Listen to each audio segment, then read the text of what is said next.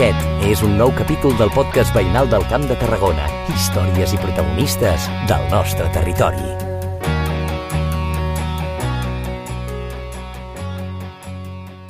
Teatre, contes, escola, personatges, infants... Són paraules relacionades amb la protagonista d'aquesta setmana del podcast de veïns. Soc la Rat Cebrián, eh, soc de Tarragona, soc mestra, contacontes, actriu, cosetes diverses. La tarragonina Rat Cebrián confessa que lo de ser mestra i fer broma ja li venia de petita.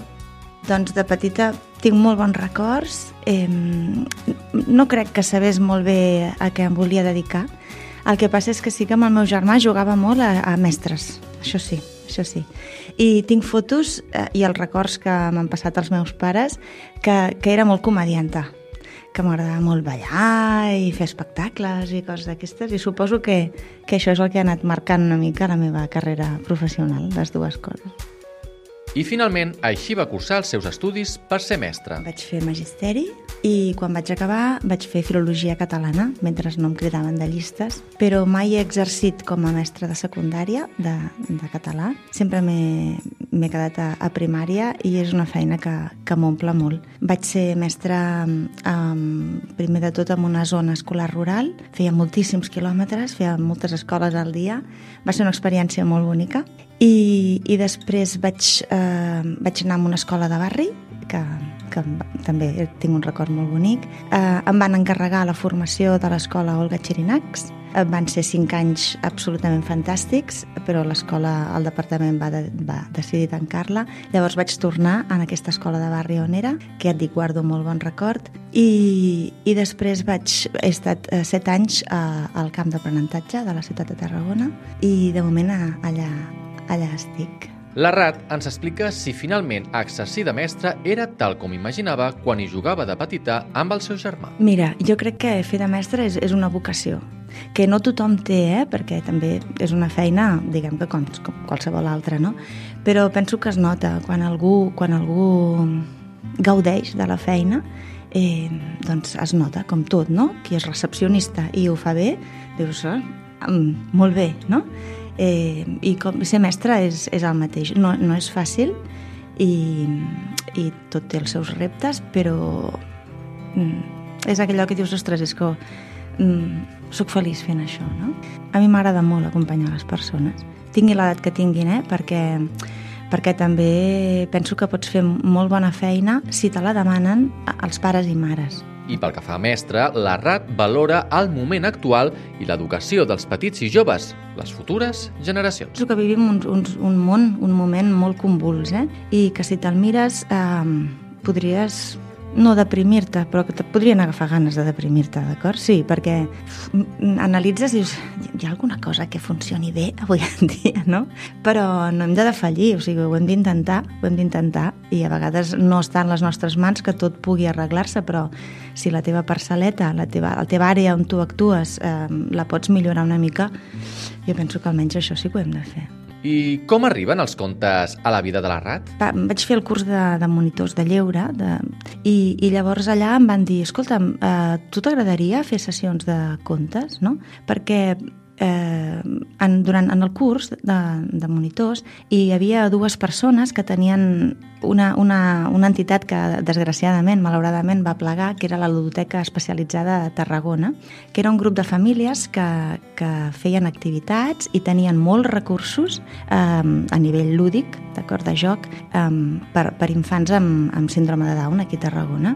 I llavors em van dir, voldries venir a la biblioteca a explicar contes? I, ah, doncs, doncs, doncs sí, vaig anar, no? perquè de fet a la, quan a l'esplai, jo, jo vaig començar diguem, aquest món del lleure a l'esplai Sant Pau de la parròquia, eh, allà clar, és, arriba un moment que tu t'especialitzes en jocs de nit o de, amb cançons o amb batllades i llavors a mi em va tocar els contes no? I, i llavors va ser una mica començar a fer sessions així doncs, de franc i, i, i, i per, per gust i llavors a poc a poc doncs, la gent em va anar a cridar en biblioteques, escoles i llavors això doncs, es va anar fent gran, no? I a més dels contes, la Rat interpreta com a actriu personatges històrics. Dels personatges històrics que interpreto com a actriu, vaig començar amb la reina Margarida de Prades, vam seguir amb Mary Read, una, una pirata mm, que, que van presentar al, al port. Després també encarno la senyora Castellarnau a l'arxiu del port i n'hi ha alguna més. I ara estic eh, preparant també un altre,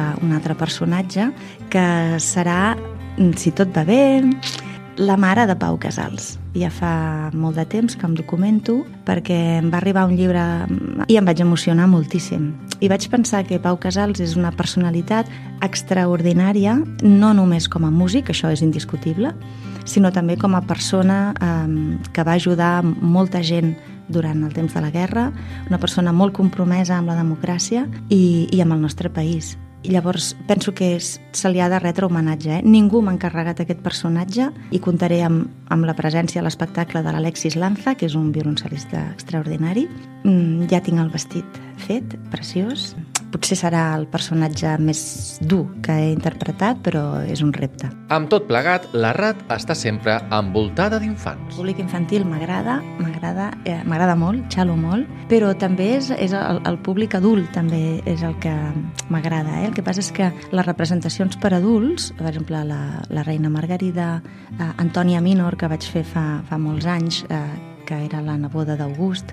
Eh, ara, ara el cas de, de, Pau, de la mare de Pau Casals, el públic adult em fa moltíssim respecte, però també és tan plaent quan, quan veus que el públic està allà enganxat, que està a la història, que està amb tu allà, no? que, ho està vivint, uf, és una sensació que compensa l'enorme quantitat de nervis que passes abans d'un espectacle així. Perquè sempre es passen uns, una mica de nervis, eh? fins i tot quan és una sessió que ja l'has fet vegades, és igual, és igual, tu tens una mena de neguit, una cosa, però quan és per adults eh, gaudeixo molt, però també es passa molta tensió. Tot i que va sorgir de forma casual, la nostra protagonista ha acabat escrivint els seus propis contes. Ja són 10 i en sortirà molt aviat un altre. Sí, són contes... Eh, de vegades ens els han encarregat, i de vegades ha estat una necessitat pròpia de, de poder explicar al món alguna cosa que, com, com la veia o com la sentia. De fet, mm, la primera vegada que vaig narrar davant d'un auditori ja va ser un conte meu, que, que em van encarregar eh, a l'esplai una setmana abans. Fes un conte sobre la pau que l'hauràs d'explicar a uns quants nens. Uns quants nens van acabar sent 2.000 persones al, al, al cinema de Montblanc. Jo no, jo, jo no sabia que hi havia tanta gent, no? I a partir d'aquí, doncs, eh, he anat fent. I la veritat és que és molt bonic escriure, però tot, tot, tot és molt costós. És, és a dir, com a públic, no, tu pots dir, mira, eh, quina sessió de contes o quin llibre i pim-pam, no? Però és que hi ha molta feina darrere, però molt. O sigui, fins i tot una sessió de contes, hi ha tot un procés que, que és molt farragós i del qual a poc a poc m'estic una mica mm, allunyant perquè el dia té les hores que té i com més gran et fas, doncs eh, no, el tema de la salut també te l'has de cuidar molt i no pots, no pots mm, tenir tot aquell neguit que, que tenies, no? La RAT lamenta la complicació burocràtica i administrativa que sovint costa fer les coses i ens en parla de noves il·lusions i reptes per endavant. Llavors que ara van florint i dius, ah, Sí? Ah, doncs vinga, va, ara no puc dir que no, després de tants anys que, que he tingut aquesta il·lusió, no?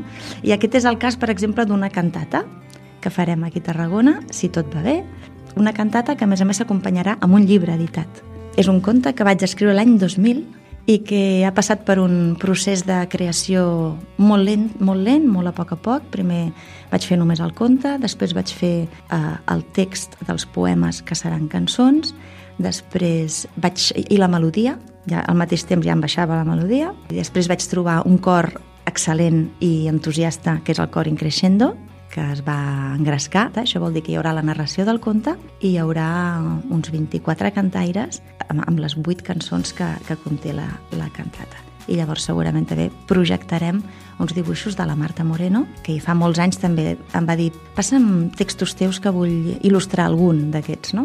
Una història preciosa, de superació personal i de, i de reil·lusionar-te amb tot. Rat Cebrián, apassionada de tot allò que fa i protagonista aquesta setmana del podcast de Veïn.